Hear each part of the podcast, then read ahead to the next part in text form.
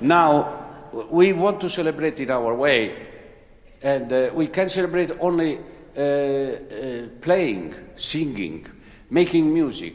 So we will play for you now the Chelsea Dagger.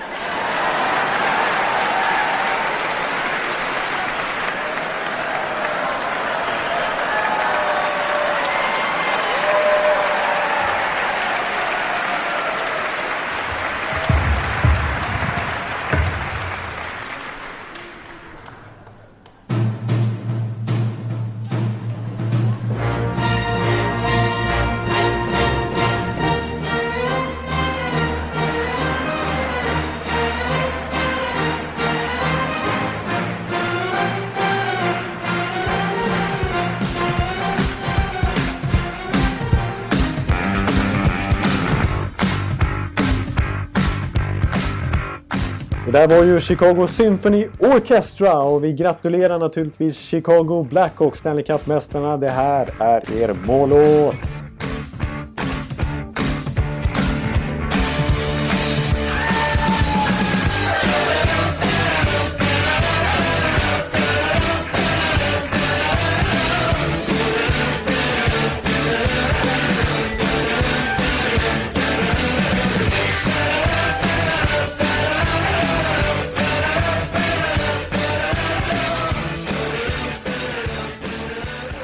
Hallå, hallå, hallå, hallå! Hallå, hallå, hallå! Och eh, fantastiskt varmt välkomna! Det är ett nytt avsnitt av NHL-podden. Det är 69 i ordningen och det har hunnit gå en dryg vecka sedan eh, NHL-säsongen tog slut, det sportsliga i alla fall. Och tyvärr för min del så blev det Ekeliv-effekten. Det blev sket sig totalt så fort jag började visa upp mig på den heliga marken i Tampa Bay. Eh, det blev torsk. Men och Per Bjurman fick åka tillbaka till Chicago och se Antoine Vermette och eh, Kimmo Timonen, jag vet inte varför jag nämnde Vermette, men eh, Jonathan Taves och så vidare lyfta bucklan där. Och eh, Per Bjurman, hur är läget? Du är... Jonathan, du måste andas emellanåt. Ja, jag känner så. Jätte... Men jag ska säga nu, Bjurman, du är ju... I... rivstart. Vad håller du på med?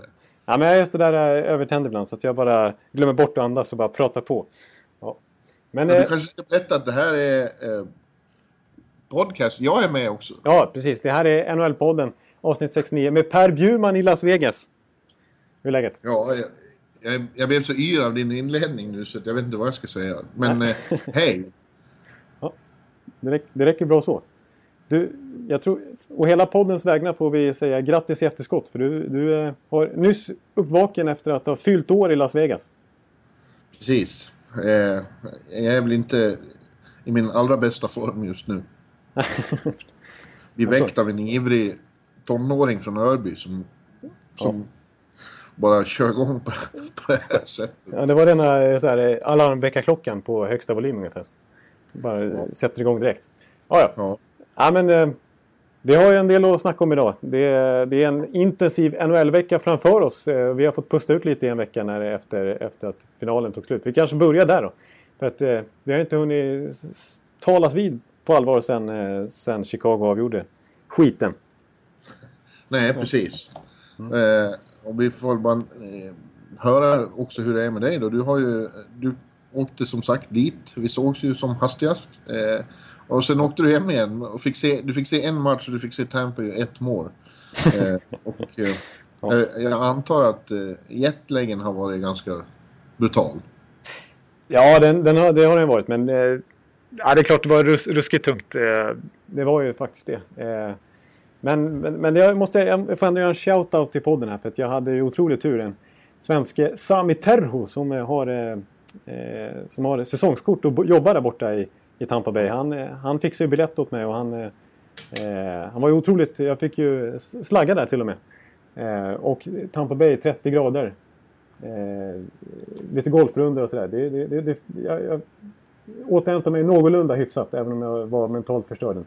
Trots allt. Ja, jag är en mycket trevlig man. Precis, det var, så det var, jag måste ändå säga stort tack där. Trots att jag glömde att köpa med mig två Marabou nötchoklad som jag hade lovat i utbyte. Eh, Ja. Otroligt svagt. Men eh, nej, så att... Eh, ja, men vi, vad, säger vi om Game 6 då? För den blev ju avgörande. Chicago vann hemma, hemmaborgen för första gången sedan 1938. Ja, Du var ju på plats. Ja, alltså jag... Eh, Chicago gjorde som Chicago brukar göra. Så de, eh, de var som allra bäst i de två sista matcherna. Eh, de blev bara bättre och bättre medan Tampa eh, tog slut, kändes det som.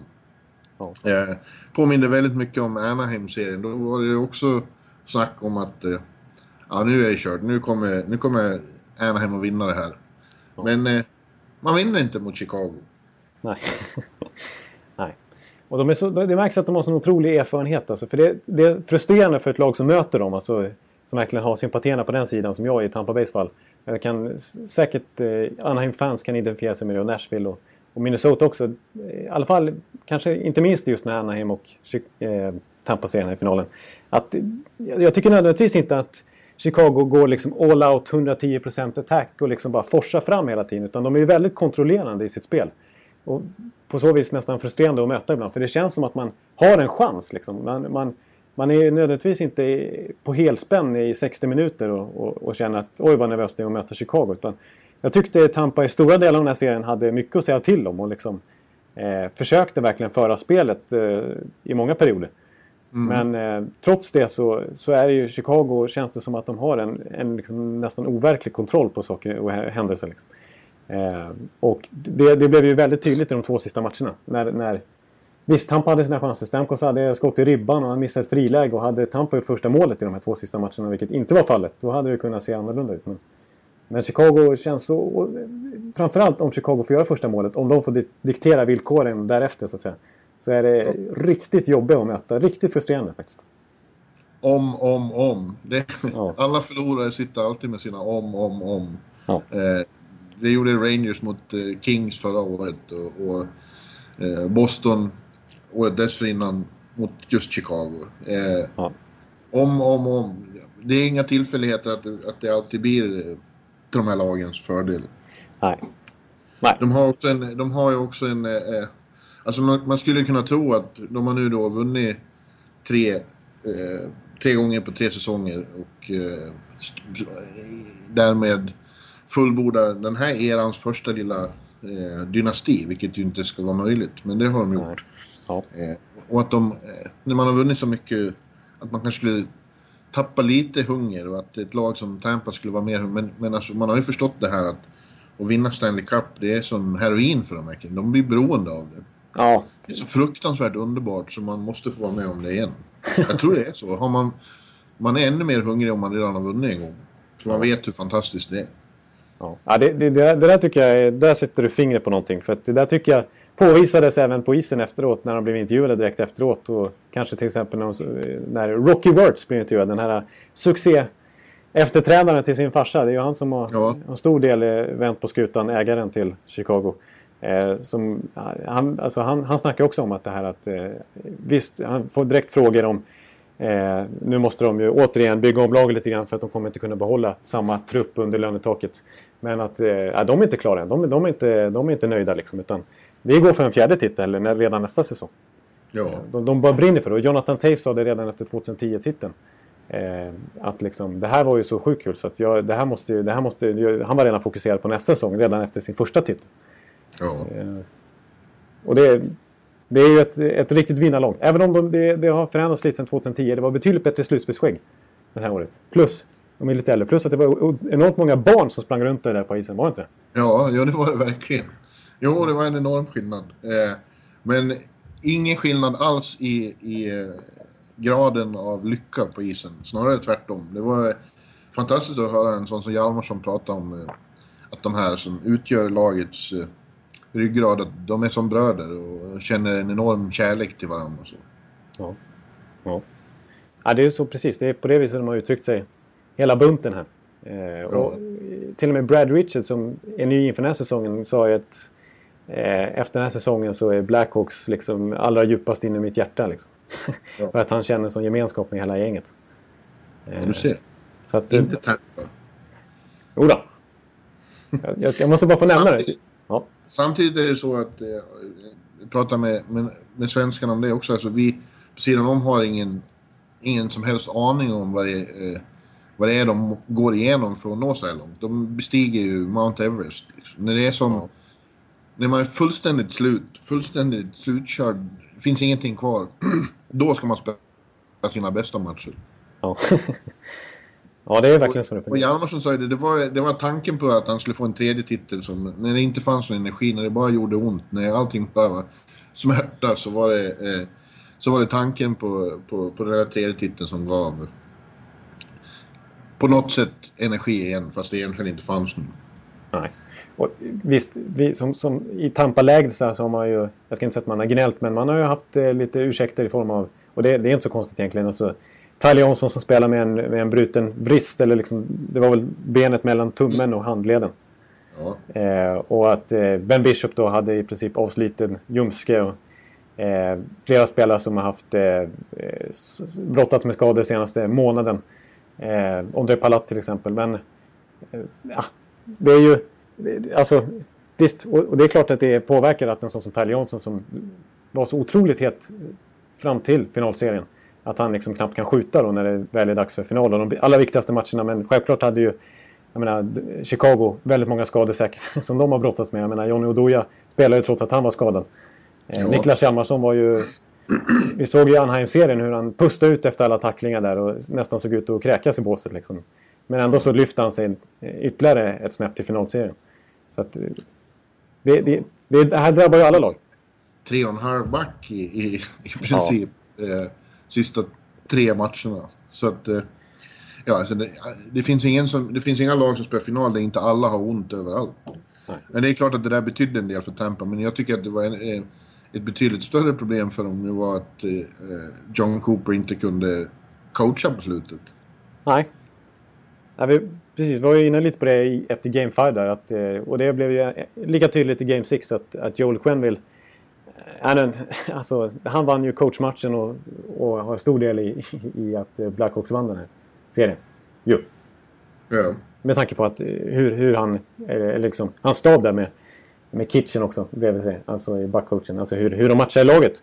Och det var lite kul faktiskt i Game 6 där också, hur det märktes hur, hur Patrick Kane i andra perioden, för att han, han, han berömde ju Hedman jättemycket efter finalserien så att han frustrerade honom enormt mycket. Att han började ta, prata med sig själv högt på bänket hur frustrerad han var på Hedman. Eh, ja. Patrick Kane. Och det syntes ju i statistiken också. Jag tror det var i andra perioden där Eh, när han hade flera byten som bara var 9 sekunder långa. 9, 12, 13 sekunders byten för att Quenneville kalla tillbaka honom så fort han var inne på isen samtidigt som Hedman. Eh, och när han väl inte var på isen samtidigt som Hedman då var han inblandad i Keats avgörande 1-0 mål. Precis. Så att, eh, ja, alltså det var ju, det var ju en matchningsduell, eh, blir det ju ofrånkomligen. Som ju Quenneville vann i match efter match. Faktiskt. Ja. Att, eh,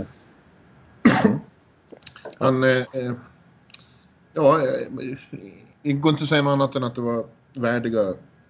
Vi fick en värdig Stanley Cup-mästare igen. Som vi alltid får. Ja. Men Tampa, Tampa, det var ju alla överens om efteråt också. Tampa kommer tillbaka. Det är ett eh, extremt talangfullt lag och den här erfarenheten är ju enormt nyttig för det här laget. Jag, jag, jag tjatat om det, jag får lite samma känsla som när Pittsburgh eh, fick stryk mot Detroit i finalen 08. Just det. Och kom tillbaka nästa år och vann eh, mot samma lag 09 Och det hade de inte gjort om de inte hade fått stryk i finalen innan, tror jag. Ja, just det. Nej, det är sant. Jag, jag kom på ett till, eh, till exempel här. Eh, jättegammalt exempel, jag vet inte varför jag kom på det. Men det var på 80-talet där när Islanders hade fyra raka och var den, den ledande dynastin i NHL. Och så mötte de, stötte de på, i sin fjärde titel så stötte de på Edmonton med, med Wayne Gretzky i spetsen. Eh, mm. och lyckades brotta till sig den finalserien och vinna på rutinen. Och så nästa år när de möttes igen så var Edmonton överlägsna. Då hade de fått samla på sig rutin. Ja, det finns ju den gamla uttjatade historien om hur Gretzky efter eh, eh, sista finalen ja. eh, första året där de fick stryk, han gick förbi eh, Islanders omklädningsrum och trodde att uh, nu sitter de väl bara och firar och dricker champagne. Men det enda han såg var att det såg ut som i MASH. Liksom, att, uh, Vad ispåsar då? Ispåsar, bandage, uh, alla låg och hade ont och fick be omplåstrade. Det var då han insåg vad som krävs för att vinna Stanley Cup. Ja, exakt.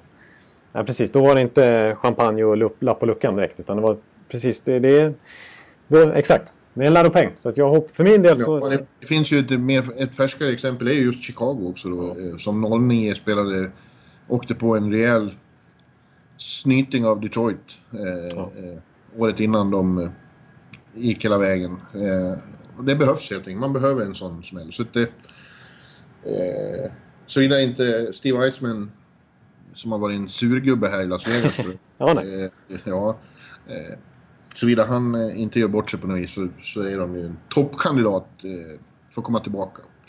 Precis, och ja, vi, vi måste prata lite om Chicagos, eh, vad de har, för, eh, har att vänta för sommar, för det kommer byggas om det. Men Tampa vill jag bara säga att eh, visst, de har en fantastiskt lovande framtid, men de kommer också behöva bygga om sitt lag om några år, för då kommer hela den här drösen av spelare eh, behöva förhandla nya kontrakt. Steven Stamkos är bara ett år bort och sen har vi Hedman som kommer kunna tjäna, tjäna dubbelt så mycket nästa gång han ska förhandla. Och hela tripletkedjan ska ju ha nya kontrakt inom ett par år. Men eh, nästa år så är det bara Brendan Moron de behöver göra sig av med. Så att, eh, Ja, det lär de väl göra. det lär de göra också. Jag tror André Suster har det, är det restricted free agent. Så det är i princip samma lag nästa år. Eh, plus att lönetaket nu höjdes alltså lite grann till 71 miljon, 71,4 miljoner dollar.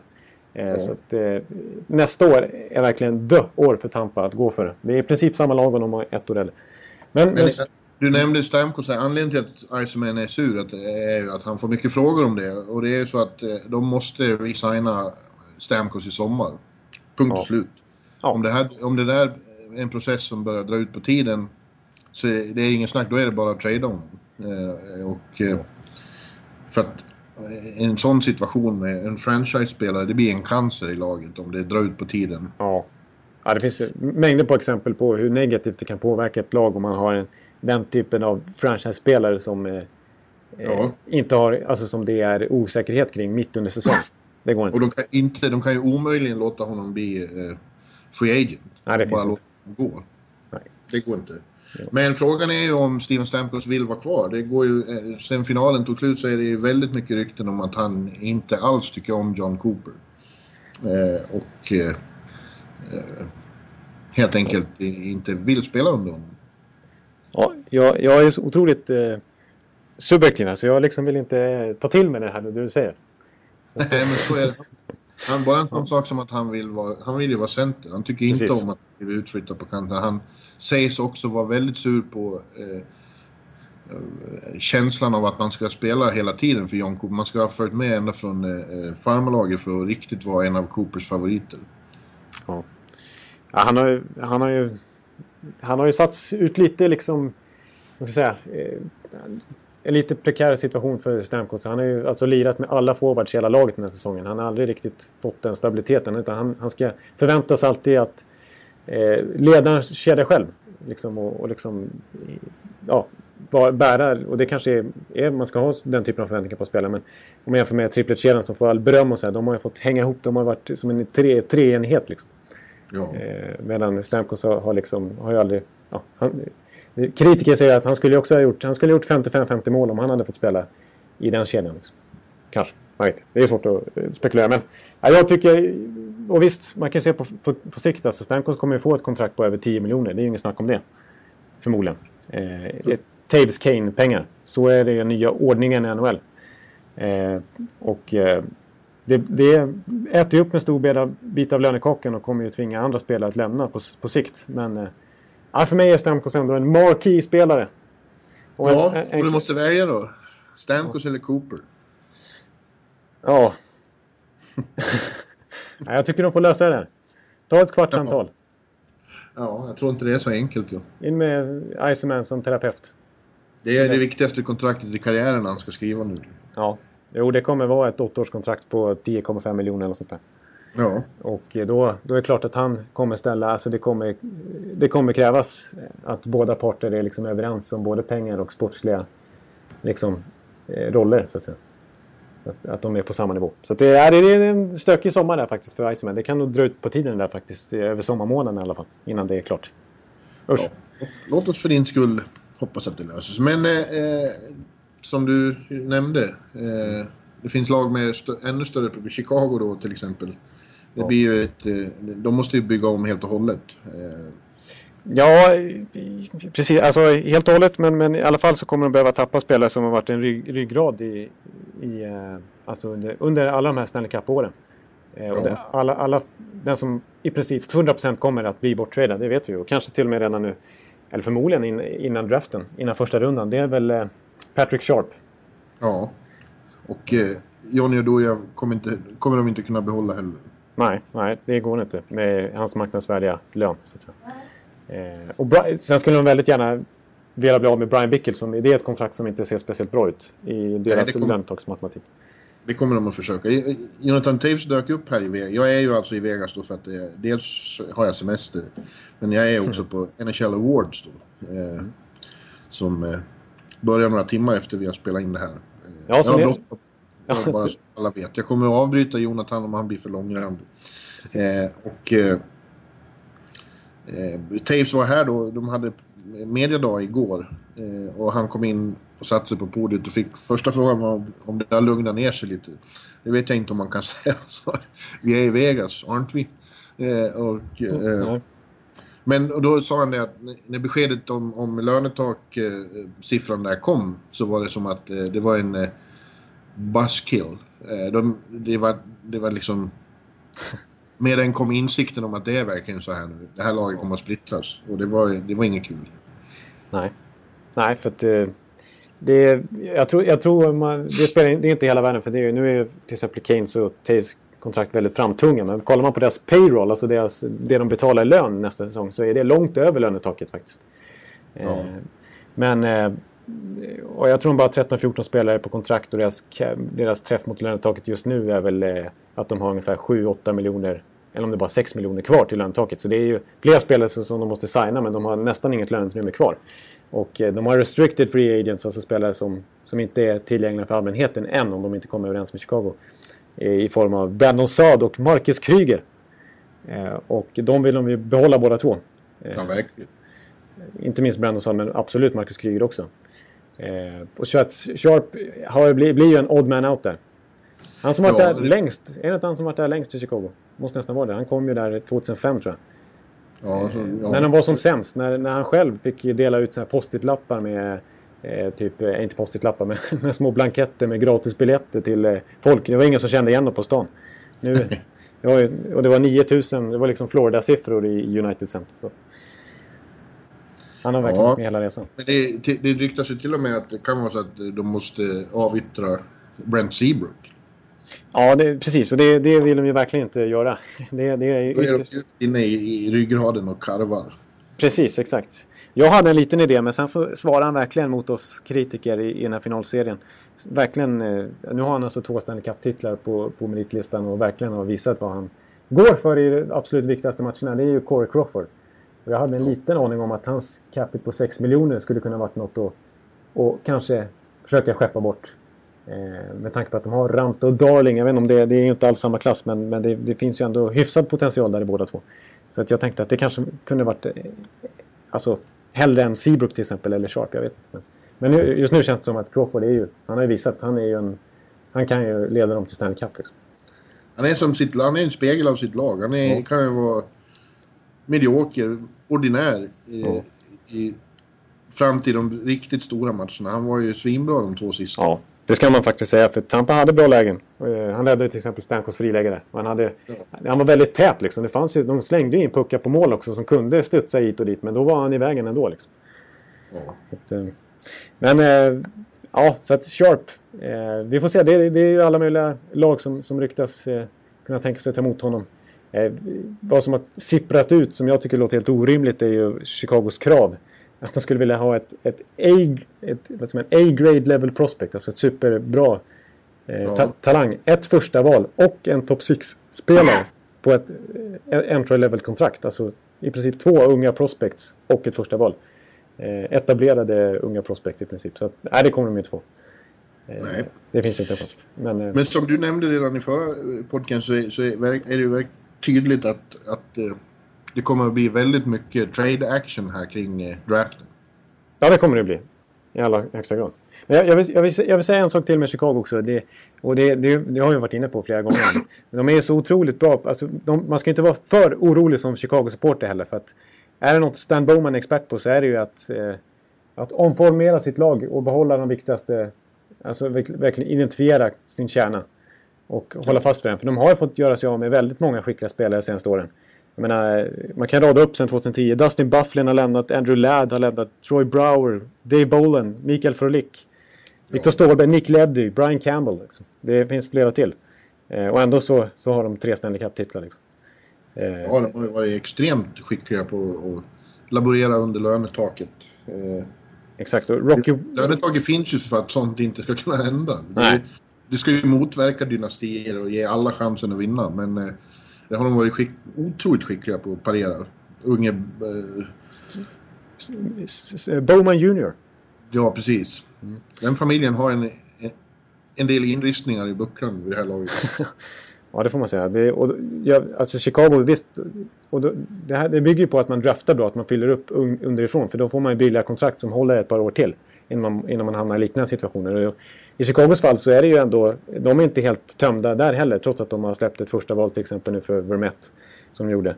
Eh, jag menar, de har Torvo Terveinen som gjorde 10 poäng i slutspelet. Ett litet mini-genombrott. Ja, han är ju nästa Patrick Kane, det såg man ju direkt. Men nu har han ställt till det för sig i finsk intervju. Jag läste precis innan vi började. Vad sa han då? Ja, han sa att eh, kvinnor i Chicago är verkligen kåta. Jaha, ja. Eh, kvinnliga hockeyfans i Chicago är så kåta. De ställer sig så nära hela tiden. har han sagt. Det, kommer, det, det kanske man inte ska säga så. Coach Q, du vet. Ja, nej. Det, det, kan det bli väldigt liv om. Ja, det ser det. Usch. Ja, jag, jag, ska inte utveckla detta. Men ja, okej. Okay. Vad menar du? Har du åsikter? Nej, nej, nej. Det ska, ska, ska, ska inte säga heller. Men. Ja. ja, ja. Nej, men... Uh, ja. Men... Uh, det var någon form av språkförbistring där. Han pratar, pratar, pratar inte riktigt... Han menar kanske inte så. Nej, just det. Ja, ja. det lät lite stökigt.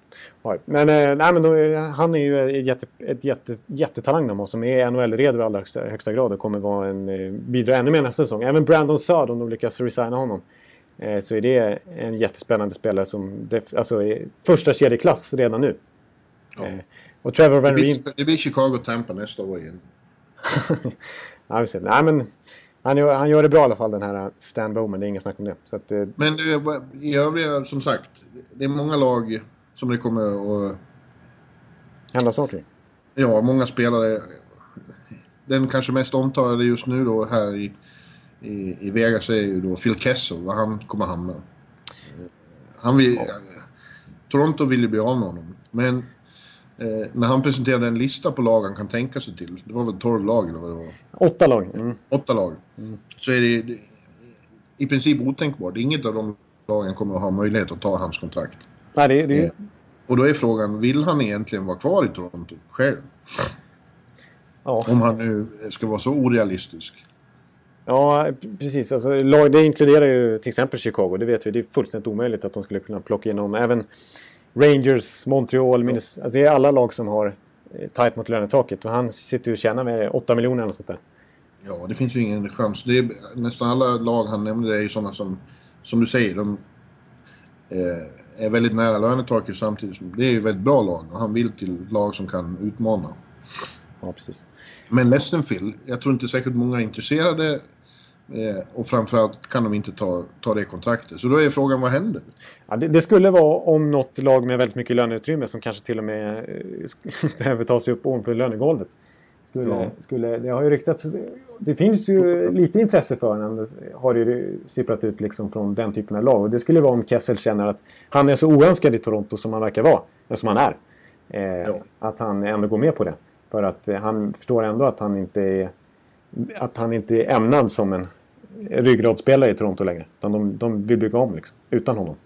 Eh, och eh, ja, ett, ett lag som jag har hört eh, eller som känns lite så här eh, fotbolls Daily Star-logik. Att man bara ritar ett pussel och tror att det kan vara så. Det är ju Calgary Flames. De har ju enormt mycket lönetak och Brian Burke var det som tradade till sig honom till Toronto en gång i tiden. Och det är han som styr i Calgary nu. Så det kanske skulle kunna vara ett alternativ. Ja. Jag vet, inte. Jag vet dock inte om, om det är precis den typen av spelare Calgary behöver. Men det är klart, Phil Kessel är ju en målskytt som kan göra 30-40 mål och har väl gjort så. Han har ett fantastiskt facit vad gäller att göra över 30 mål under sin NHL-karriär. Trots att han ju sällan har steppat upp i de allra viktigaste lägena så har han ju fantastiskt fin statistik. Faktiskt.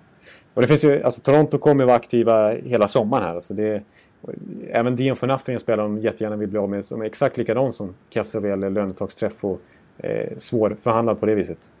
Ja. Och det, det är Loophole och det är Bosack och så vidare. Problemet för Toronto, för de har ju faktiskt ingen general manager just nu heller. Nej, men eh, det, det sa Shanahan i, efter general manager-mötet igår att eh, det, det kommer de inte... Det verkar inte som det är någon prioritet längre utan det är inte säkert de kommer att skaffa någon under hela den här säsongen utan han eh, Douglas. sköter, han sköter den här eh, skutan tills det finns någon, ett riktigt, riktigt bra namn. Precis, de verkar ju ha samlat ihop sig lite där som en kommitté där med Brennan Shanahan som ju förmodligen har eh, sista liksom, beslutsfattande rätt. Men även den här unge Kyle Dubas, den här Mr Corsi som de plockade in inför förra säsongen, 28 bast, den här underbarnet vad gäller liksom, i styrelseförhandlingar ungefär. Och att, eh, han ledde ju ett OHL-lag där förra säsongen. Eh, eller förra, förra blir det. Eh, Kyle Dubas. Och det är ju Kyle Dubas som, ska, som Brennan Shanahan har sagt är den som tar emot alla telefonsamtal vad gäller trader under draften. Och det är ju han som representerar dem också här i Vegas på general manager-mötet. Eh, Ja, det var de på allihopa. ja. Shani var där också. Jag, jag stod utanför när de, och väntade när, när det var över och alla kom ut. Och, Du hade full koll. Nyheter också. Precis. Eh, ja, men lite problem för Toronto också är att många av deras spelare som de vill bli av med har, har ju klausuler i kontrakten.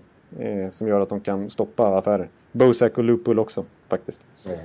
Jo, det är ju för att det har varit mycket dumt i Toronto. Bland annat just det där då, att de har delat ut för många eh, no trading-klausuler. Precis, och vi har ju hört det. det så som de har rensat i, i sitt staff med alla scouter som har rykt och helt ny tränarstab i princip då med Mike Babcock och Brandon Shannon som är relativt ny på sin post också. Eh, de vill ju verkligen göra om i spelartruppen också men det är väldigt svårt där. Eh, så som de har, eh, så som den truppen har varit konstruerad. Ja. Men vad är det för nyheter vi kan berätta om då från, som du har fått ta del av i, på plats i Las Vegas? Ja, de förändringar de tog beslut om att skicka vidare då till eh, Board of Governors som eh, håller möte just nu medan vi spelar in det här. Det var ju då dels att man ändrar övertidsformatet. Det blir spel tre mot tre redan från början eh, i fem minuter då. Och, och det, syftet med det är framförallt att eh, minska antalet straffavgöranden. Eh, och eh, Eh, nå- Något som spelarfacket har tryckt hårt på. Ja, och de ville ha... Alltså i AHL har de ju haft det här eh, formatet eh, halvt om halvt. De har, också, de har börjat övertiderna fyra mot fyra, men eh, om det inte har blivit mål efter tre minuter så eh, första avblåsningen efter det så har det blivit eh, tre mot tre. Och det var vad general managers här hade föreslagit också, men spelarfacket var inne på att nej, eh, då ska vi, ha, vi ska ha det i fem minuter. Och då har det blivit så. Ja. Jag tror ju jättemycket på det. Jag håller verkligen med. Ju färre straffavgöranden desto bättre.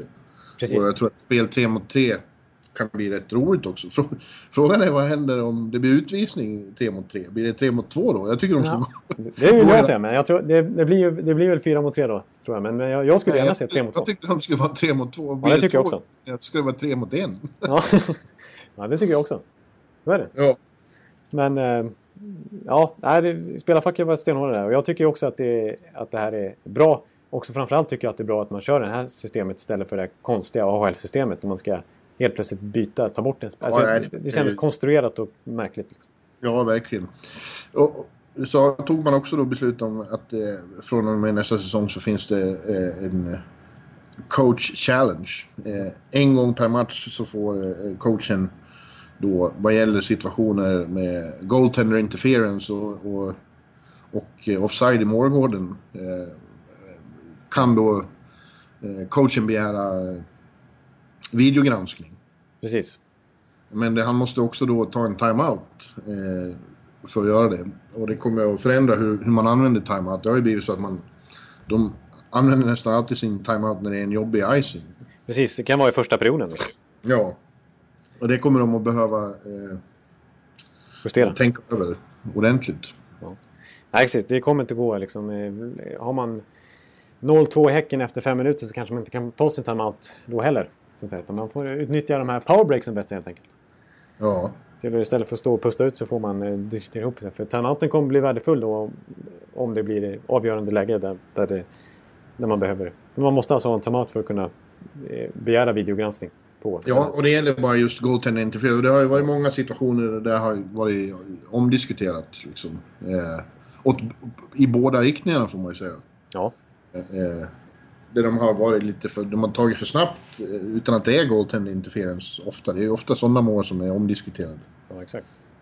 Men förut vet jag det var snack också om eh, att den här regeln även skulle gälla puck-out, men jag har inte läst någonting om det. Att man skulle Nej. kunna... Eh, Nej, det, är, det är bara de här två situationerna. Ja, precis. Men eh, idag då också på Board of Governors-mötet så eh, det har redan läckt ut här på morgonen att i, idag så inleds eh, expansion-processen formellt. Mm. Eh, för att eh, det ska bli ett lag här i Las Vegas. Det är nice. Va? Det är nice. Tycker Ja, det tycker jag. Ja. Hur, har, du, har du gått förbi arenan någonting då? Den nya? ja, jag har sett den på den. Fantastisk eh, eh, location. Det är ju här på strippen. Liksom. Mellan Monte Carlo och New York, New York. Det säger inte det någonting. Men, men eh, det är så centralt som det kan bli. Och, eh, NHL här, jag blir yr av att tänka på det. Ja. ja, du är ju redan lite yr här. Du vet ju vad Ja. en Las Vegas-natt innebär. Ja, ja, herregud vilka bortaresor det kommer att bli. Ja.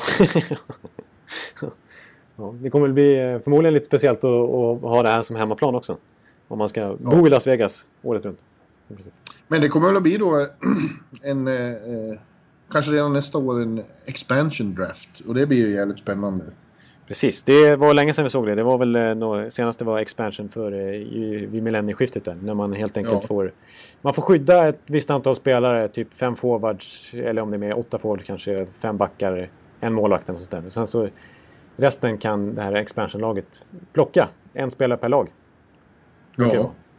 Eh, och fram, förmodligen vill de ju utöka med ytterligare ett lag förutom Las Vegas. Så då är det ju, nu är det ju fritt fram här för Seattle och eh, Quebec, Kansas City och så vidare. Att, eh, kanske ett nytt Toronto-lag. Att, att eh, om en ägare kan kliva fram där, om, om de kan få ihop ett paket.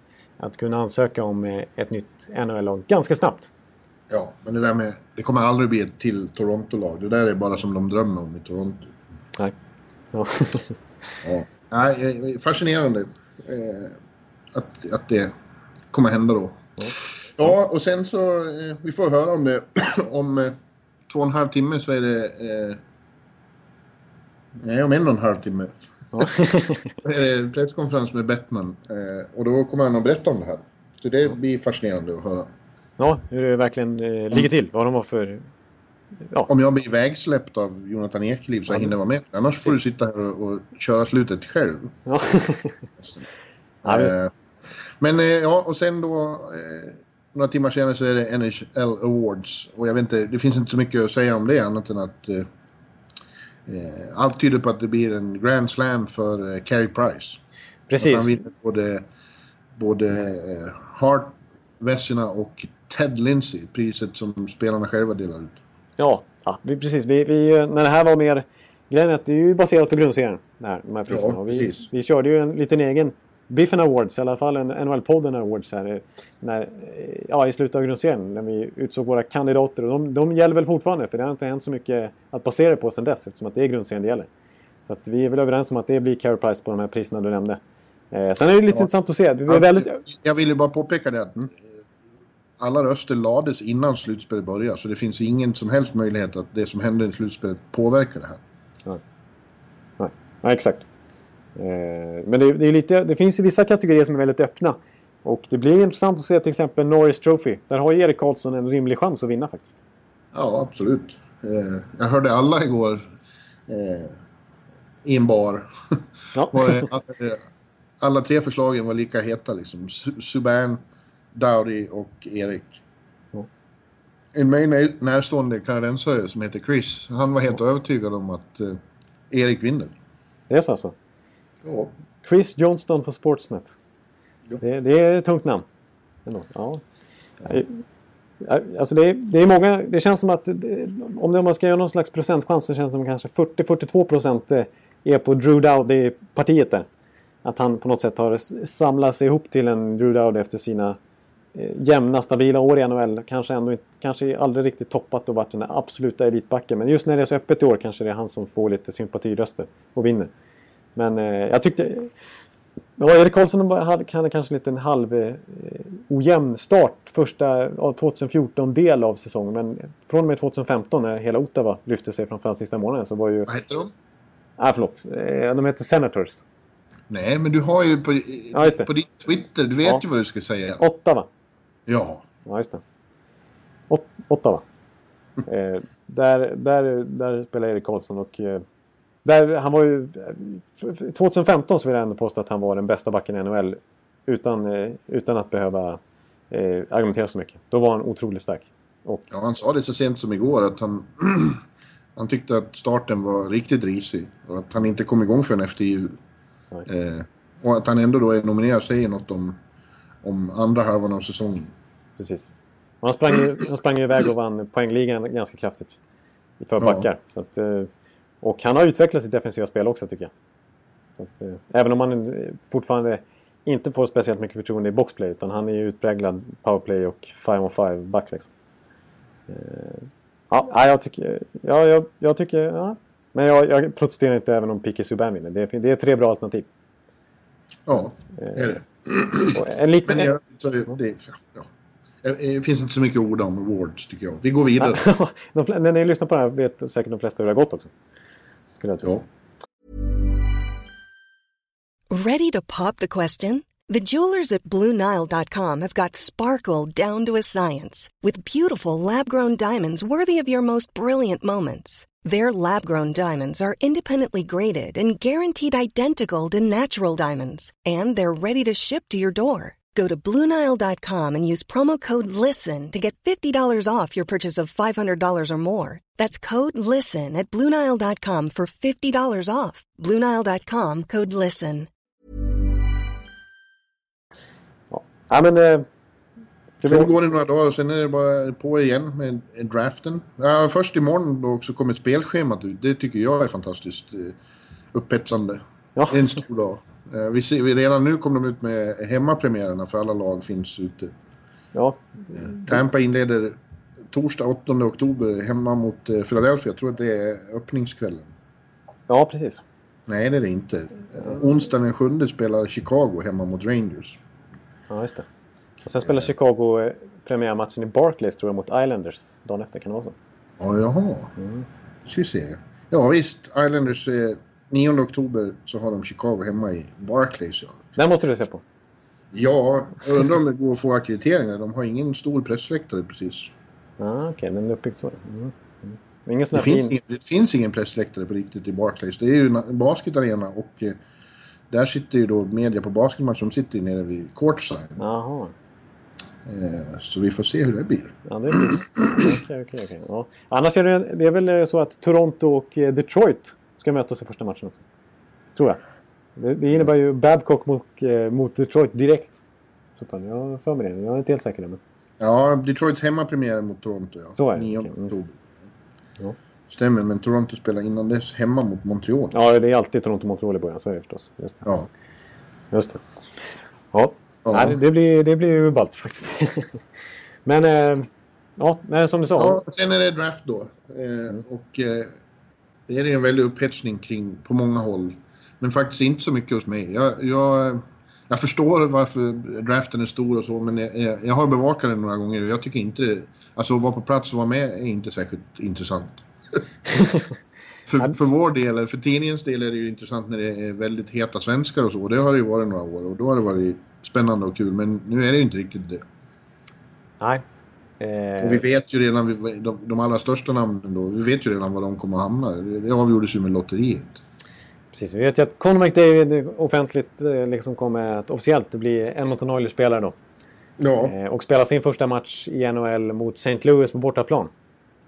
Så av det där spelschemat att döma. Och sen så är det Jack Eichel som eh, gå till eh, Buffalo Sabres med andra valet naturligtvis. Jack Eichel som själv säger att han borde gå först. Han tycker att han är bästa spelaren i draften.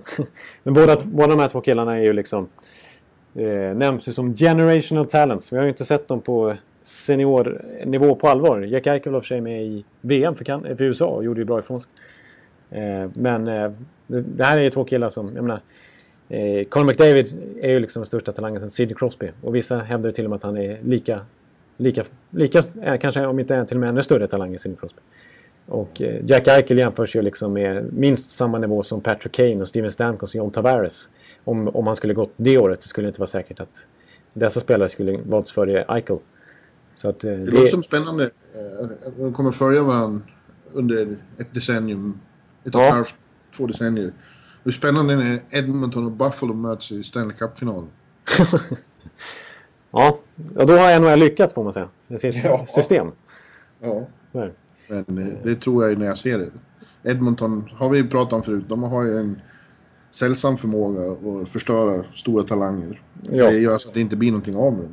Ja, precis. Men det som är positivt för Edmontons räkning i alla fall är att de för en gång skulle ha bytt ut sin sportsliga ledning där. Och Ja. eh, uppe i eh, ja, hockeypresident och så vidare. Så att det borde en ny fantastiskt bra tränare honom, Todd McLellan. Men Det känns som att de är på rätt spår för en gångs skull. Att nu borde det kunna hända någonting där i Edmonton. Eh, men, men eh, i övrigt i draften så är det ganska bra. Alltså, hela topp 12, topp 15 ungefär nämns ju som en ovanligt stark draft. Det är inte bara de här två killarna i toppen som är, som är, gen, ja, det är väl de som är generation talent är helt exceptionella. Men även de, de valen i den första halvan av draften eh, uppges ju vara spelare som, som har eh, stor potential att bli, bli liksom, alltså impact-spelare. Lite som 2008-draften när ju i princip hela första rundan blev otroligt bra spelare. I alla fall hälften av spelarna är ju liksom stora NHL-stjärnor idag. Eh, så det, vi har ju Noah Hannifin, den här eh, spelskickliga backen. Och Dylan Strome som spelar i Area Otters precis som Conor McDavid i OHL där. Eh, Mitch Marner. Så det är väldigt många killar som har producerat enorma siffror i de kanadensiska juniorligorna. Och det är mycket rys- det, det är mycket nationaliteter. Trots att vi pratar här om att det är knappt... Ja, vi har ju vant oss vid att en svensk går topp 10 i draften. Eh, det är därför, eh, jag menar, eh, det har varit så angeläget för, för oss att ha det på plats. Sportbladet har det på plats på draften. Ja. Men i år... Det det kommer inte bli något med i år. Jag stannar här out west och ska ha lite semester. I Las Vegas. Det låter inte så dumt. Nej, inte bara... Nej, jag åker härifrån. Fy fan. Gör? Det, det skulle bli för dyrt att vara kvar här. Då är jag ruinerad snart. Ja, det, har gått dåligt, det har gått dåligt vid spelborden så far. Är det så? Ja. När, jag, när jag kom hem i natt, eller morse när det var, så, så skrev jag mail, desperata mail till folk om att jag håller med Stu i Hangover. Att någon borde bränna ner det här jävla stället. Ja. Okej, ja, ja. Ja, men de ska få ett eh, NHL-lag snart så du får eh, anledning att åka tillbaka. Nej, fy fan. Få, nej. Ge dem inget NHL-lag. Ja, ja. ja. men eh, det är lite intressant. Det är fyra ryssar som förväntas gå i första rundan eller som är med i olika projections. Eh, och det är finländare, det är tjecker och det är till och med en holländare. Hör och häpna. En schweizare också. Eh, Daniel Språng är holländaren. Han är, försöker visserligen få kanadensiskt medborgarskap och representera Kanada i internationella turneringar. Men eh, han flyttade, för tio år sedan flyttade hans familj över från Amsterdam. Men eh, ja, det är intressant. Och i- i svensk väg då. Eh, så har vi ändå vi har Joel Eriksson Ek som rankas högst. Jag, jag förväntar mig att du kanske inte har superkoll på de här svenskarna i och med att du inte du befinner dig sex timmar bort när eh, Ja, jag har ingen koll alls faktiskt på dem. Nej. Eh, sanningen så har jag aldrig sett dem spela, någon av dem. Så jag, jag, jag, det är lika med nästan alla de här ynglen. Jag har aldrig sett dem, så jag, jag har inget att säga om det. Nej. Nej, Joel Eriksson Ek har ju flugit upp i alla fall. Färjestad-kille som är eh, spelskicklig. Rakt på mål, lite nordamerikansk spelstil som ju... Jag såg lite grann i Färjestad, slut på säsongen i alla fall. Och le, ja, själv la märke till liksom. Det är en, en kille som, som känns som kan passa på nordamerikansk rink och som, har, som är välväxt och har den, den fysiska förutsättningen också redan nu. Eh, definitivt eh, ett bra val i första rundan. Och sen har vi Oliver Killington som du kanske hörde talas om redan förra året och tidigare. Han var ju den yngsta målskytten i SHL någonsin. Och som Ja. ju förra året när man redan började, då började diskutera nästa års draft att han skulle vara en topp 10, given topp 10-spelare. Men han har ju fallit Ja, ordentligt. han, han har ju det. Var, för ett år sedan så var han verkligen topp 10. Ja, till och med topp 5 kanske. Ja, exakt. Det var ju en sån här super... Det var ju anledningen till att det skulle vara i Florida. För att eh, prata med Oliver Killington som skulle draftas av... Eh, av eh, eh, av Toronto. man Toronto. Man inte Kylington? Ja, det är nog Kylington du säger, men jag säger ju alltid tvärtom. mot vad som stämmer. Så är det. Eh, men eh, eh, ja, lite stökig situation med skador och så vidare den här säsongen. Missade JVM därav. Eh, kunde inte visa upp sig där. Ingen speciellt bra J18-VM heller. Jag tror han hade sämst plus minus i det svenska laget som ju misslyckades ganska grovt. Eh, och eh, blev utlånad till AIK, men han väl gjorde helt okej ifrån sig. Och kommer spela AIK den kommande säsongen. Och det är ju en kille som har enormt, alltså enormt hög potential åtminstone. Sen gäller det att han ska få upp eh, de andra bitarna också så att han verkligen kan nå dit. Men det är ju en spelare med fantastisk skridskoåkning och spelsinne. Och liksom, det, det, det, det, är ju verkligen en high, en, vad säger man, high risk, high reward. Ja, just det. Sånt. Där satte jag den. Ja. Så att det kommer förmodligen gå i första rundan också. Det finns lite andra namn. Gabriel Karlsson i Linköping, Jakob Larsson i Frölunda eh, och några till. Som, eh, det kommer vara eh, som vanligt mycket svenskar ändå i de tre, fyra första rundorna skulle vi kunna tippa på. Men det är inte riktigt den här spetsen som man har vant sig vid. Nej. Eh, så är det. Och, och, men apropå draften i alla fall så får vi nämna att det, det kommer ju vara mycket, det kommer ju finnas an, all anledning att sitta upp och titta på den ändå. För att, eh, förmodligen kommer det vara mycket trade, trader då i alla fall. Ja, precis. Det, det får jag säga att jag är, är väldigt eh, intresserad av. Ja. Eh, ja. Det, finns ju, det finns ju väldigt många, eller väldigt många, men det är några svenskar också som är högst, i högsta grad eh, intressant att se var de hamnar. Vi har Carl Söderberg till exempel som Boston har gjort klart att de inte kommer att resigna. Vi har var Odoja kommer att hamna. Han kommer ju få kontrakt någonstans. Det är ju inget snack om det. Nej, nej, nej. nej precis. Och Söderberg också. Ja. Om man, om man redan pratar vid draftborden då, så, så är det ju, eh, apropå trader, alltså spelarbyten, spelare som har kontrakt, då är det ju eh, redan där kan det ju hända mycket svensk väg. Alltså, framförallt på målvaktsfronten. Vi har ju flera svenska målvakter som är involverade i trade-rykten. Inte minst Eddie Leck och Jakob Markström. Någon av dem kommer att bli tradad från Vancouver. Det låter som att det är Eddie. Ja, Eh, att Jim Benning där i general managern håller Jakob Markström som ett intressant alternativ på sikt eftersom att man kommer att köra med Ryan Miller som första keeper nästa säsong. Och att, eh, Hörde Philadelphia för Eddie var aktuellt. Ja. Ja. Ja jag, jag, tänkte, jag hade, jag hade själv nystat fram ett alternativ. Jag trodde skulle, alltså en riktig outsider för Eddie, men det sket sig för precis innan podden så skrev Columbus nytt kontrakt med Curtis McElhenney men mm. Columbus har mycket draftval i de höga rundorna. Jag tänkte att eh, det har pratats om ett, åtminstone ett andra val för Eddie Leck. Och att, eh, att Columbus skulle vilja ha en, en riktigt solid backup till Sergej Bobrovski som har varit skadebenägen. Eh, och som de föll lite grann på för dåligt målvaktsspel under säsongen. Och framförallt massa skador. Men, men det blir inte Columbus i Nej, men Philadelphia. Alltså, det är, det är många lag som söker en målvakt. Eh, vi har ju Buffalo som just nu inte har någon, någon målvakt på NHL-kontrakt egentligen. Eh, vi har eh, San Jose som ju verkar släppa Antiniem och definitivt skriker efter målvakt. Vi har ju Edmonton Oilers som har en, en dålig målvaktssituation. Ja, Robin Lehner har ju diskuterats eh, eh som tänkbar i San Jose.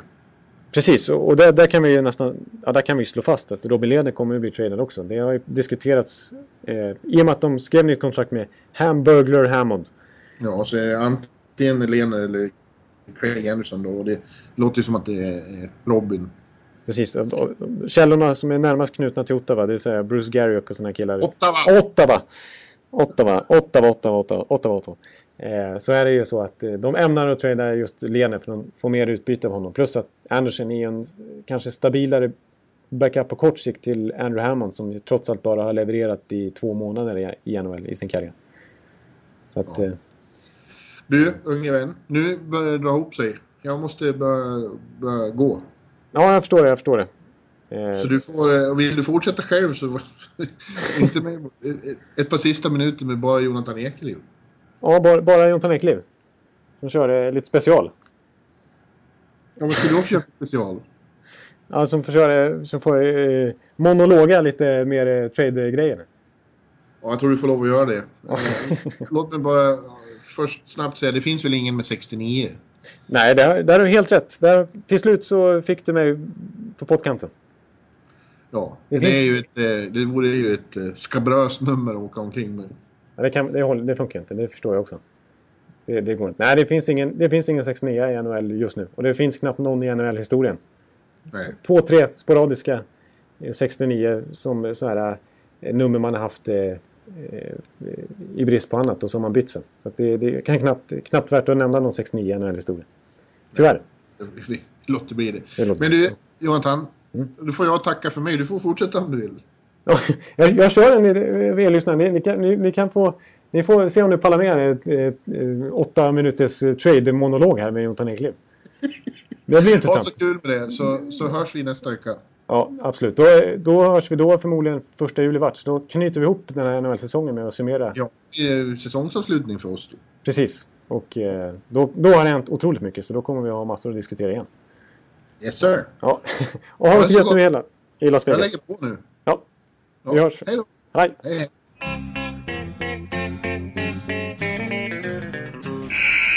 Ja, Bjurman ska alltså ut eh, på presskonferens i Las Vegas som börjar bara alldeles snart. här. Så jag var ju tvungen att släppa iväg honom.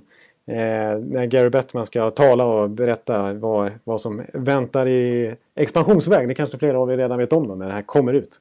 Eh, men då blir det lite speciellt. Nu har jag ingen Bjurman att bolla med som kan eh, trycka ner mina eh, orealistiska eh, free agent-tankar. Vi får se om ni orkar lyssna på lite monolog. För jag har, tänkte ändå att vi måste ju passa på med lite Det är så mycket som, som händer den här kommande NHL-veckan. Och det blir intressant att se vad som händer i, i draften.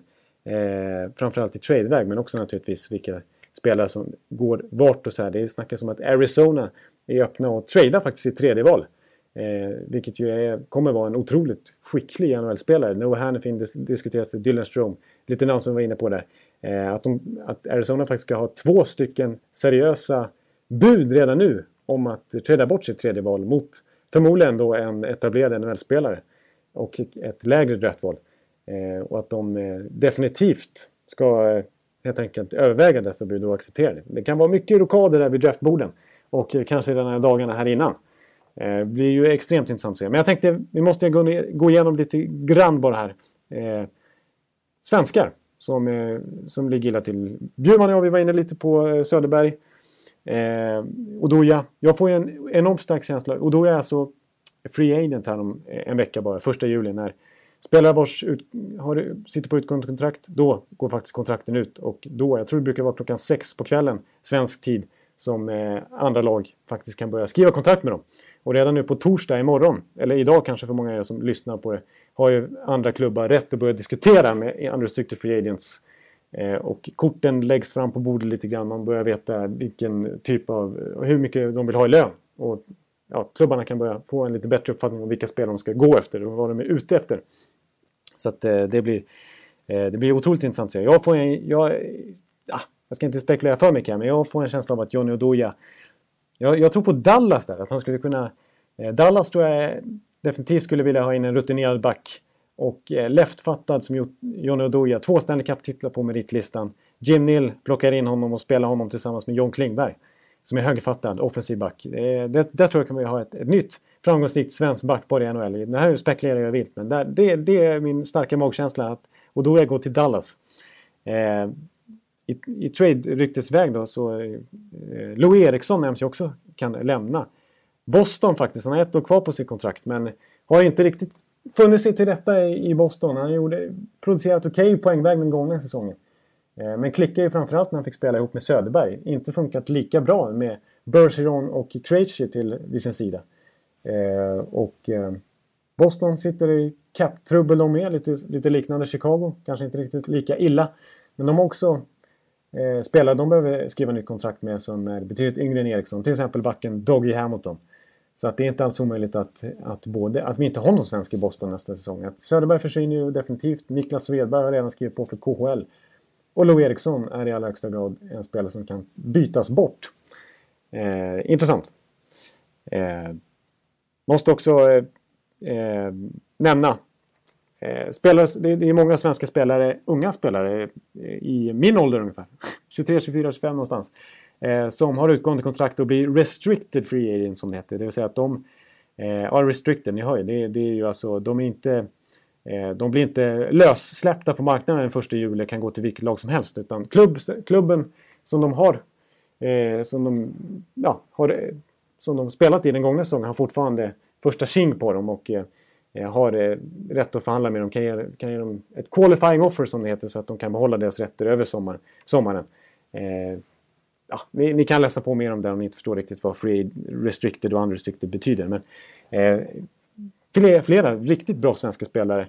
Vi har Jakob Silverberg till exempel. Som gjorde ett sånt otroligt bra slutspel. Eh, vad ska han kunna få? Vad, vilket typ av kontrakt ska han få? Eh, ja, jag tror eh, ett, en liten måttstock för vissa av de här spelarna kan bli Micke Backlund som ju här, häromdagen skrev på för 3,5 miljoner ungefär. För ett fyraårskontrakt tror jag det var. Eh, där någonstans kanske Silverberg kan landa på också. Det är fyraårskontrakt, då känns det inte riktigt som en sån här bridge deal som det har varit eh, vanligt de senaste åren. Men lite lägre capita, lite kortare antal år man skriver på. Och sen så gör man en ny förhandling kanske två, tre år senare. Och då får man sitt riktiga kontrakt, välavlönat kanske, ett långtidskontrakt med en fet summa. En fetare summa. Eh, vi får se om Silverberg kanske väljer ett broavtal. Han har ju trots allt slagit igenom ganska sent. Eh, så att det är möjligt. Eh, Gustav Nyqvist är ett annat namn. Skulle också kunna, mycket troligt, ett broavtal på honom. Vi såg ju, det är väldigt lätt att jämföra med Thomas Tatar eh, i Detroit som en jämförspelare. Han skrev nyligen på, eller nyligen men det var väl i vintras han skrev på ett broavtal för eh, 2,75 miljoner per säsong. Eh, tvåårskontrakt tror jag. Jag tror att det kan bli något liknande för Gustav Nyqvist. Även om han är värd kanske över 3 miljoner, jag vet. Eh, Carl Angelin är också en spelare. Han är, är han restricted? Är han, han är restricted tror jag. Eller är han unrestricted? Jag vet inte. Jag tror han är restricted. Eh, han, har redan, han kommer ju ut ifrån ett sånt där broavtal. Det har gått ut nu så han är redo för att skriva ett mycket ett, ett fetare kontrakt nu. Eh, jag tycker han förtjänar kanske 3,5 miljoner. Något sånt kanske jag tror att han är suktar efter. Och det är frågan om Rangers har eh, plats för det. Det, det kan vara så att Karl Agadin eh, kan få flytta på sig från Rangers. Även om jag tror att han väldigt gärna stannar kvar och kan acceptera kanske en något lägre lön än vad han egentligen är värd på grund av det. Men han kommer alltså från ett broavtal så han borde inte vara ute efter ett tvåårskontrakt med en lägre capita utan han, vill, han är nog redo att skriva på ett, eh, ett eh, fetare kontrakt. Eh, Jesper Fast är ju typiskt eh, broavtal. Han gjorde ju fantastiskt bra ifrån sig i, i, i slutspelet. Per Bjurman har ju berömt honom så mycket och jag också. Eh, vilket genombrott. En spelare som är användbar i, både i top 6 och bottom 6 och penalty kill. Och har ju offensiv uppsida, har vi sett i HV71. Han, där, där har Rangers en bra spelare i sin organisation. Han kommer vara billig. Han kommer acceptera ett broavtal. Tvåårskontrakt kanske på en dryg miljon. Eller något sånt där. Adam Larsson, intressant. Eh, ska han skriva ett broavtal? Eller ska han göra som eh, Viktor Hedman, Jonas Brodin, eh, John Klingberg gjorde? Eh, skita i det här med broavtal. Utan eh, helt enkelt köra ett ordentligt eh, långtidskontrakt. Jag menar, vi såg Klingberg skriva på för 6, 7, 8 år eller vad det nu blev. Likaså Jonas Brodin, långtidskontrakt 7, 6, något sånt där år. Och för en capita på ungefär 4-5 miljoner. Eh, frågan är vad New Jersey gör med Adam Larsson om han är värd så mycket pengar redan nu. Och eh, det kanske han är för att vi har ju sett på sikt hur de här, den, den typen av avtal som Brodin och framförallt Hedman skrev. Hedman har ju, sitter ju alltså på 4 miljoner i capita fram till 2019 2017 eller vad det är, han skrev ett 4-5 års kontrakt. Han är ju värd mycket, mycket mer än så. Om, om Hedman skulle ha haft, haft ett utgående kontrakt den här sommaren, då skulle han kunna skriva på för 8-9 miljoner. Alltså ett, dubbelt så mycket som han tjänar just nu. Så att eh, det kan vara eh, jättebra, smart drag av, av en klubb eh, att, eh, av eh, New Jersey i alla fall, att skriva ett långtidskontrakt med Adam Larsson. För så som han klev fram sista månaderna och visade sin potential så, så, så kanske Kanske de ska försöka få till, sy ihop en en Kalle Klingberg, Brodin, Hedman-deal åt honom. Eh, ja, vi har Mika Zibanejad. Där skulle jag vilja påstå ungefär ett Micke Backlund-scenario. Fyra års kontrakt på 3,5 miljoner är väl rimligt. Eh, Kalle Järnkrok, också utgående kontrakt. Mm. Eh, har väl inte riktigt spelat hela säsongen i Nashville som tredje center men har väl inte riktigt slagit sig till ro i NHL hundraprocentigt än heller. Så att där kan jag tänka mig ett, ett, någon slags brolösning, ett korttidskontrakt på en dryg miljon kanske. Melke Karlsson också intressant. Gjorde väldigt bra ifrån sig. Spelade topp 6 minuter stora delar av andra halvan av säsongen. Men eh, där blir det också säkert ett kortare, kortare, kortare lösning. Han har mer att bevisa.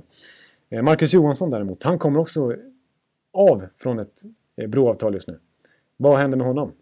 Eh, han är han kommer naturligtvis stanna i Washington. Det är en prioritet där. Eh, vad, vad, ska han få? Mm, eh, jag tycker han är värd upp mot 4 miljoner dollar. Han eh, trots allt upp och nosar på nästan 50 poäng den här säsongen.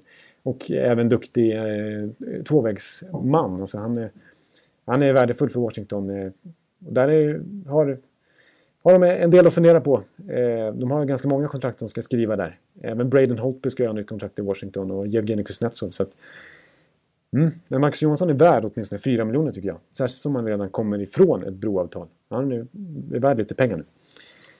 Eh, och Marcus Kryger måste jag nämna också. Marcus Kryger är en otroligt intressant situation. Eh, för att eh, vi vet ju, vi har varit inne på det jag och Bjurman, att eh, det blir svårt att och, och liksom pressa in honom under lönetaket. Eh, för, eh, med tanke på hur lite löneutrymme de har kvar och att de förmodligen kommer behöva lägga en majoriteten av den 6-7 miljoner de har kvar på Brandon Saad. Och då ska de dessutom ha in fler spelare för de kan ju inte ha 14-15 spelare i truppen utan det måste knyta, petas in breddspelare i, eh, under lönetaket också. Så att det, det, kan bli tufft att behålla Marcus Kryger eh, med en marknadsmässig lön. Så att, eh, och här spekuleras det vilt i att han kan bli en tydlig, tydlig offer sheet target, target i sommar. Det vill säga att trots att han har restricted free agent status så kan ju andra klubbar lägga bud på honom. Men då måste de ge kompensation i form av draftval. Eh, men det är fortfarande ganska låg kompensation så länge man sträcker sig Eh, om, jag tänker mig Marcus Kryger, skulle man lägga 3,6 miljoner till honom i snittlön så behöver man bara kompensera Chicago med ett andra val. Och jag tycker definitivt att Marcus Kryger kan vara, vara värd 3,6 miljoner i capita och det tror jag inte att Chicago riktigt själva vill ge honom. Det blir väldigt tajt mot lönetaket om de ska klara av den typen av kontrakt. Så 3,6 miljoner på ett offer sheet för Kryger eh, för konkurrenter i NHL kan definitivt vara en jättebra investering. Eh, och vi vet ju att Kryger har offensiv uppsida också som man inte riktigt får visa än. Och han är ju en fantastiskt skicklig defensiv forward. En, nu när intervjuar Bjurman här så kan jag nämna att han var en otrolig corsi-spelare den säsongen. Han hade flest defensiva zonstarter av alla forwards i hela NHL den här säsongen. Trots det har han en positiv corsi-siffra på 52 procent. Det vill säga att han... Ja, han, det skjuts 52 procent skott framåt när han är inne på isen och bara 48 bakåt. Så att, trots att han nästan alltid får börja ha defensiva uppgifter och får börja bakåt så, släpper det, så, så skapas det mer chanser när han är inne än tvärtom otroligt faktiskt. Så att Marcus Kryger är definitivt värd 3,6 miljoner i capita tycker jag. Och eh, det är inte säkert att Chicago kan ge honom det. Och då kan ett offer sheet vara på sin plats. Och det tror jag definitivt att vi kan få se faktiskt. Eh, mycket intressant. Eh, nu ska jag börja runda av här, för nu har jag haft monologer längre än hur många av er som orkar lyssna. Ni får väl höra av er på Twitter och säga om ni tycker att det här var en, en del som det var uthärdlig så att säga. Men vi chansar. Jag var sugen på en eh, vi har så mycket att gå igenom den här veckan. Det var ju så mycket att diskutera och sen får vi vänta eh, innan vi kan sy ihop det här ordentligt eh, nästa vecka när vi vet svaren. Men vi har ju massa, vi, det är inte bara svenskar som, blir, som är aktuella och blir tradade nu. Den här veckan. Eh, skriver på nya kontrakt den 1 juli. Eh, när vi är framme där. Eh, Mike Green i Washington är ju en spelare som har utgående kontrakt och som Washington förmodligen kommer prioritera att skita i. Eh, så tjänade 6 miljoner gånger säsongen. Det är inte omöjligt att han får ett så pass bra kontrakt igen, trots att han kanske egentligen inte är värd det. Men så tunn är ju marknaden den här sommaren. Och eh, Mike Green är ju trots allt högerfattad, han har offensiv uppsida. Han gjorde en bra säsong, en bra, bra bounce-back-säsong i Washington. Eh, och själv är han ju sugen på att spela topp 2-minuter nu, inte halva i tredje backpar som han fick göra mycket i, i Washington. Eh, så att eh, han kommer förmodligen att lämna och det är svårt att säga vilket lag han ska gå till men Eh, Eh, ja, vi vet ju att Detroit jättegärna vill ha en topp 4-back, helst topp 2-back som är högerfattad och som har offensiv uppsida och kan styra ett powerplay. Jag tycker ju inte att Mike Green känns som en Ken Holland-spelare. Han är lite för dålig defensivt för det, men... Mm. Eh, ett annat tips för Mike Green är faktiskt New Jersey, säger jag. Jag vet inte om ni håller med om det. Eh, en annan högerfattad offensivt skicklig back, lite lik Mike Green, fast kanske lite sämre, är ju Cody Franson. Eh, han kommer väl gå kort efter att Mike Green skriver på för en klubb. Så blir väl andrahandsvalet att plocka in Cody Franson. Eh, jag har varit inne på John Oduya. Det finns andra skickliga, rutinerade, vänsterfattade backar på marknaden. Där, där är det faktiskt gott ställt den här sommaren. Paul Martin har vi ju som förmodligen lämnar Pittsburgh. Om det inte händer någonting. André Sekera som har hett vid trade deadline. Vi har François Bergerman som fortfarande inte har skrivit på någonstans. Förlåt, eh, nu är det synd att inte Bjurman här kan rätta mitt uttal, så ni vet ju kanske inte vem jag pratar om. Men François Bourgeman i Anaheim Ducks, som har varit där väldigt länge, rutinerad kille. Eh, en back som jag tror många lag skulle vara intresserade av, om de kan knöla in under lönetaket. Eh, eh, Christian Eroff, annan eh, kanske prisvärd back. Eh, Barrett Jackman ska faktiskt lämna St. Louis här. Han som varit där sedan 2003 när man Calder Trophy. Eh, det var länge sedan. Men eh, skicklig defensiv back. På forwardsidan, när vi inte pratar svenskväg, eh, så är det ju faktiskt ganska tunt. Alltså, där kan det bli enorma överpriser. Eh, Matt Beleski lämnar ju Anaheim. Eh, lite häromdagen här så sa ju, bekräftade ju Bob Murray, deras general manager, att eh, nej, eh, vi tyckte att vi gav ett otroligt bra bud till Matt Beleski med tanke på att han har bara etablerat sig i NHL från med förra säsongen i princip. Eh, tagit ytterligare ett kliv i år, men han är ju 27 bast killen. Spelat enormt många AHL-matcher fram till dess. Eh, fram till nu. Eh, men ju, gjorde ett starkt slutspel när han spelade med Kessler och Silverberg. Och en bra grundserie med 22 baljor. Men, eh, och han, han in, går in i sin prime nu, han är 27 bast liksom. Eh, och han är, sägs ju vara ute efter 5 miljoner i capita, vilket ju känns otroligt mycket för en spelare som har bevisat så lite, trots allt. Eh, och då förstår jag att Bob Murray, att det var inte den typen av summa som de gav. Så han sa ju bara God bless you om du hittar något bättre bud än vad vi kan ge. Eh, och det verkar jag vara ute efter. Det är inte omöjligt att något lag som behöver målskyttar chansar på Matt Beleski. Jag säger namedroppar återigen New Jersey. Vi får se vad Ray Shero hittar på det. Jag är ganska säker på att han kommer vara aktiv i sommar i alla fall. Eh, till och med Montreal. Jag har ju hyllat Mark Bergman, deras general manager, så ofta. Jag tycker han är smart. Men Montreal behöver ju verkligen målskyttar. Det är ju det de har fallit på flera år nu. Eh, då är väl inte Matt Beleski för 5 miljoner speciellt bra lösning. Men vi får se hur, hur desperata Montreal blir på att hitta en målskytt. Kanske snarare är tradevägen de väljer. Eh, andra forwards är ju Mikael Frolik, sägs också vara ute efter 5 miljoner, vilket är väldigt högt. Justin Williams, som var Conn Smythe-vinnare förra ja, 2014 med Kings. Eh, han lämnar ju där. Eh, där har ju också, LA Kings har ju också grava löntagsproblem, så att han lämnar ju. Vi får se vad han... Han är lite till åren nu, så frågan är hur mycket han är värd egentligen.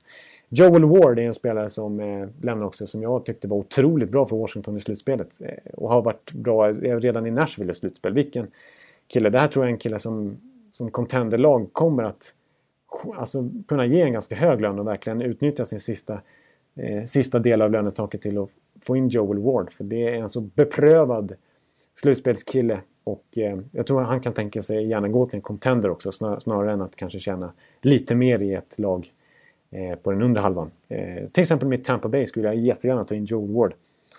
Eh, Drew Stafford, Chris Stewart, det är de här killarna vi pratade om vid eh, trade deadline som ju ha, hade utgående kontrakt och som blev tradade då. Antoine Vermette kommer ju lämna Chicago. Eh, så har vi Marty St. Louis också. Vad ska hända med honom? Han kommer inte stanna i Rangers. Eh, där, eh, och han vill, ju inte, han, vill, han vill ju stanna i Rangers. Han vill ju inte lämna New York. Det var ju därför han flyttade dit och begärde en trade från Tampa. Så att, eh, eh, men där sipprar ju lite om att Islanders och New Jersey skulle kunna vara rimliga alternativ. Och eh, jag tror säkert att båda de två lagen är intresserade av San Louis om man skulle acceptera det. Då kan han ju ändå bo kvar där han redan bor. Ehm, och eh, Islanders, det skulle vara ett bra alternativ att få in lite rutin. Och jag menar, San Louis vann ändå poängligan i NHL 2013. Det är inte så värst länge sedan. Så mycket kan han väl inte ha tappat. Även om han märkbart har gått ner. Han är ju 40 bast nu, San Louis. Och eh, han har... Han gjorde ändå 20, över 20 mål för Rangers den här säsongen. Det är väl ändå... Jag menar, det är en, för en rimlig lön så kan han bidra med mycket. Tycker jag. Nej, nu ska jag eh, inte hålla er på sträckbänken om man säger. Eh, andra intressanta namn som vi, vi har den här Ryan O'Reilly-soppan som bara fortsätter. Det är intressant att se eh, trots allt vad som händer i sommar. Jag tror inte, precis som vi var inne på med Stamkos, så tror jag inte Colorado är sugna på att ha, ha den, behöva dras med det där under säsongen igen. Utan man vill nog antingen förlänga med O'Reilly nu eller trada bort den. Eh, Kylo Pose är ett, ett lite märkligt namn som har droppats. Han har ju bara ett år kvar på sitt kontrakt med Islanders till en mycket förmånlig summa. 2,8 miljoner i capita. Där, där är eh, jättebilligt. Men då han alltså, blir han alltså unrestricted free agent 2016. Och ehm, eh, det sägs att han och, och eh, att, att Islanders kan tänka sig att offra honom om de får något bra utbyte. Faktiskt. Och, eh, och Pose är ju en jättebra spelare i en bra ålder. Så det kan vara värt att satsa på. Men det kommer säkert kosta mycket. Och det är osäkert för att han går att ha alltså utgående kontrakt. Och man får inte förhandla om ett nytt kontrakt tror jag. Förrän 2000... Ja, han är unrestricted free agent. Eh, jag ska inte säga för mycket där. Men restricted free agent tror jag att man får förhandla om nytt kontrakt förrän eh, efter 1 januari 2016 i så fall. Då blir det väldigt osäkert kring honom. Eh, så att, eh, ja, och på målvaktsfronten ska jag nämna också, där är förutom de vi nämnde där med Läck och Lener och svenskarna så har vi ju Cam Talbot i Rangers som vi har varit inne på hela säsongen. eller egentligen sen han imponerade så mycket när Henrik Lundqvist var skadad, att det är en kille som kommer bli tradad från New York Rangers. Och I en bästa av världar så kan Rangers för en gångs skull få ett första val då. Som de inte har och som de har saknat flera år i rad. För Cam Talbot. För de har ju trots allt Henke där. Eh, de är ju trygga på målvaktsposten så de har råd att offra Cam Talbot och kanske kan få ett första val för honom. Så att, eh, mm. Och Kari Lehtonen hänger lite löst i, i Dallas också. Antiniemi, vi vet, får se hur det går för Devin Dubnik också som fortfarande inte har skrivit på något nytt kontrakt med Minnesota. Eh, och han, precis som Beleski, eh, så vill han ha en riktigt hög lön. Det snackas om minst 5 miljoner dollar på Devin Dubnik. Att det är vad han är ute efter. Och eh, det är en kille som har presterat i tre månader. Vi snackar om Hammond och presterat i två månader av sin NHL-karriär. Devin Dubnik är ju inte mycket mer. Det är tre månader. Eh, som han verkligen vände upp och ner på Wild och gjorde dem till slutspelslag helt plötsligt. Men dessförinnan i sin, sin 7-8-åriga NHL-karriär så har han inte visat mycket. Som har gjort... Eh, som har glatt.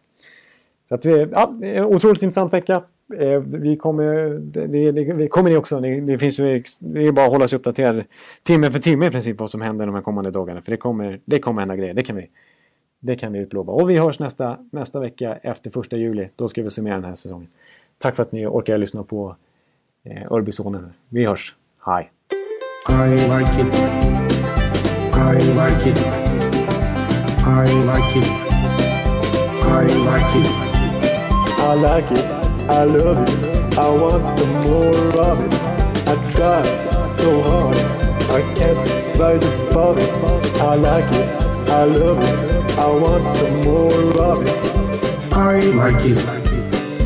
I like it. I love it. I love it. I love it. I love it. I like it. I love it. I want some more of it. I try so hard. I can't rise above it. I like it. I love it. I want some more of it. I like it. I like it. I like it. I like it. I like it.